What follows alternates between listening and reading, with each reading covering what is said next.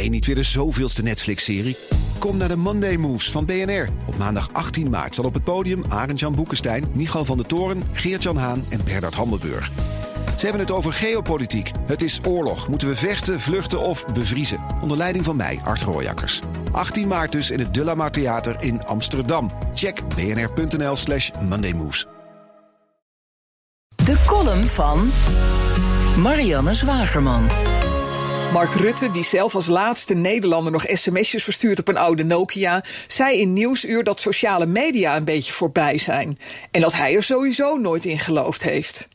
Rutte bestuurt een land waarin 87% van de inwoners actief is op sociale media. Een minister-president die niet op de hoogte is van het mediagebruik en de leefstijl van 87% van zijn landgenoten, moet misschien eens aan zijn pensioen gaan denken. Hij beweerde met droge ogen dat de tanks zoals Nieuwsuur, NOS-journaal, RTL Nieuws en de talkshows onverslaanbaar zijn als massamedia. Dat verandert niet. De tanks, waar zo'n 15 miljoen mensen niet naar kijken. Alleen wat 60-plussers zijn geïnteresseerd in de talkshow-oorlog. Een oorlog die uitbrak omdat SP-Kamerlid Peter Quint al jaren in de kuit van de mediaminister hangt om wat te doen aan de schommelconstructies waarmee Pauw en Van Nieuwkerk tonnen boven de balken en de norm verdienen. Onder die druk durfde BNN-Vara het niet aan om Pauw een nieuw contract te geven. Maar zijn tv-productiebedrijf mag op één wel maken, terwijl hij andere programma's presenteert. De regering kijkt al jaren machteloos toe. Zelfs de rekenkamer kreeg het gesjoemel niet helemaal boven water. En Rutte zit onbekommerd als juichaapje voor de buis.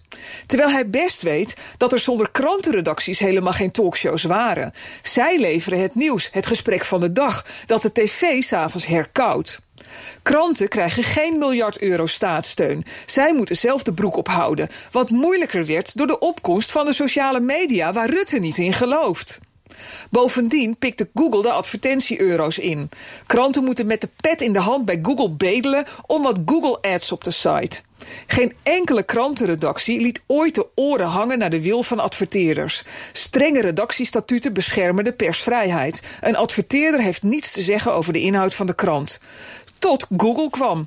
Google weigert de Telegraaf nog wat advertenties toe te werpen, omdat ze zich niet kunnen vinden in de publicaties van de krant. Stukjes over IS-bruiden en zo zijn tegen het beleid van de Amerikanen. Ophef blijft uit. De persvrijheid brokkelt af, maar de stilte is oorverdovend. Het kan niet zo zijn dat de regering toekijkt hoe krantenredacties worden beknot, terwijl de miljoenen die wij als belastingbetaler ophoesten voor de programma's waar Rutte zo aan hecht, worden verkwanseld alsof het water is. Columnist Marianne Zwagerman. Terugluisteren? Ga naar bnr.nl of de BNR-app. En daar vindt u ook alle podcasts. Je hebt aardig wat vermogen opgebouwd. En daar zit je dan, met je ton op de bank. Wel een beetje saai, hè? Wil jij, als belegger, onderdeel zijn van het verleden of van de toekomst? Bridgefund is een slimme fintech die een brug slaat tussen de financiële behoeften van ondernemers en van beleggers. Dus wie belegt bij Bridgefund krijgt niet alleen een mooie vaste rente, maar brengt ook ondernemers in beweging. Echt waar, met die ton kan je zoveel betere dingen doen. Bridgefund. Make money smile.